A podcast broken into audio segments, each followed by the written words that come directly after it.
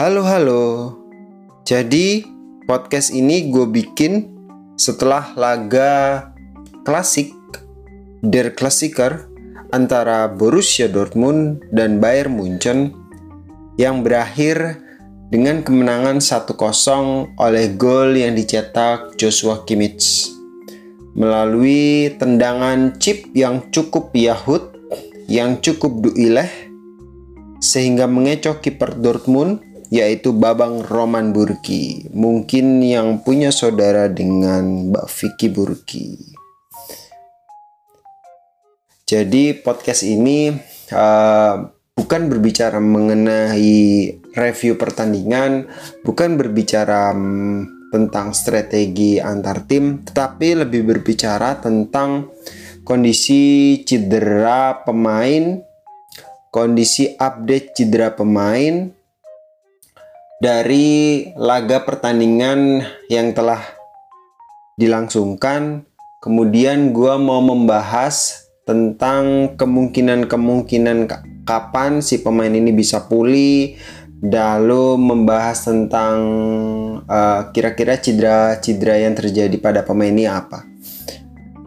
Perhatian gue tertuju pada salah satu pemain muda yang menjadi incaran Real Madrid dari Borussia Dortmund yang akhir-akhir ini menjadi bahan perbincangan yang hangat di media sepak bola. Karena ya lu tahu juga liga yang baru dimulai cuma liga Jerman jadi semua perhatian media menuju ke liga ini siapa lagi pemain yang gua mau bicarakan kalau bukan Babang Erling Haaland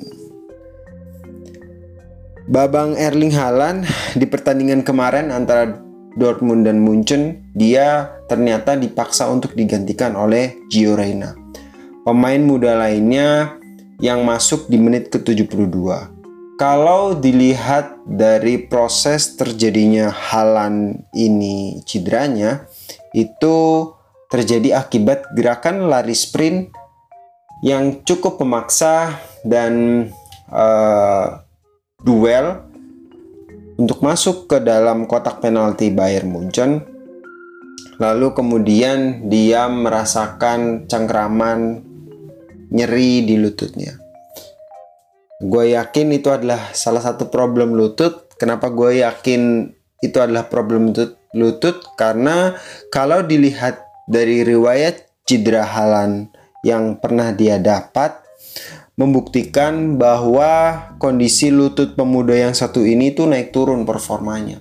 Kadang uh, dia bisa bermain bagus, kadang Akibat lututnya juga tidak begitu mengganggu, kadang dia bah harus ditarik um, akibat problem pada lutut yang terjadi.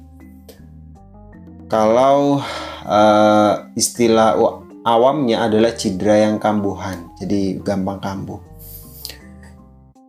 Berdasarkan dari update cedera yang gue dapat dari sejarah cedera yang gue dapat, maka di situ disebutkan bahwa cedera lutut pertama Erling Haaland terjadi pada tanggal 30 Oktober 2018 sampai 19 November 2018 yang mengharuskan dia untuk beristirahat selama dua hari. Di situ dituliskan yang menderita cedera adalah bagian ligamen ligamen injury yang artinya adalah cedera yang terjadi pada ot bukan pada otot pada tali pengikat lutut yang sering uh, menimbulkan rasa tidak nyaman atau rasa nyeri ketika kita memaksa untuk sprint atau untuk lari dan tiba-tiba seperti kadang ada rasa kekunci, kadang ada rasa nyeri. Tapi gue yakin sih um, si Halan nggak sampai kekunci mungkin hanya nyeri saja Lalu cedera lutut yang kedua adalah cedera yang didapat pada tanggal 14 November 2019 sampai 24 November. Itu artinya 10 hari waktu itu dia butuh waktu untuk beristirahat guna mengatasi problem di lututnya. Di situ dituliskan di injury update-nya adalah nih problem artinya itu ada masalah di lututnya dan gue yakin ini adalah lutut yang sama ketika Halan mengalami cedera pertamanya. Tapi gue rasa itu adalah risiko yang ditanggung sebagai pemain bola. Nggak bisa yang namanya pemain bola tiba-tiba cederanya langsung benar-benar pulih atau sudah tidak terasa lagi karena memang uh, kriteria dari cedera itu sebenarnya uh, tidak bisa dihilangkan nyerinya tapi mungkin kita bisa kontrol kita bisa perbaiki. Nah prediksi gua untuk Halan adalah bahwa dia kelihatannya harus beristirahat sekitar 14 hari kalau recovery-nya dia semakin baik, uh, maka proses pemulihannya juga akan semakin singkat. Kurang lebih bisa sekitar 10 harian dia bisa pulih. Gua rasa juga um, tim medis Halan, khususnya fisioterapi, juga harus nampaknya menambahkan beberapa latihan tambahan untuk memperkuat otot-otot di sekitar lutut.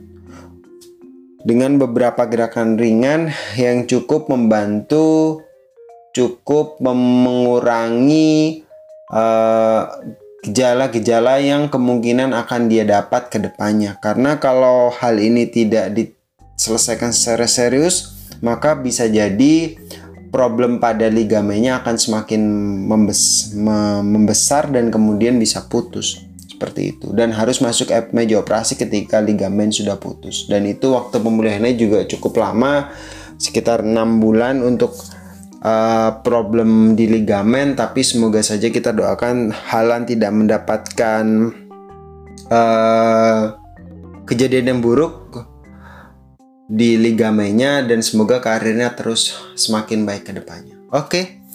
Sekian podcast dari gua sedikit aja ya karena hanya mengupdate sedikit tentang cedera yang terjadi karena beberapa liga juga belum muncul mungkin kalau liga, beberapa liga sudah mulai ada mungkin gue akan bahas dalam satu post, podcast beberapa pemain yang menderita cedera dari uh, liga-liga yang uh, cukup terkenal oke sekian dulu podcast dari gue terima kasih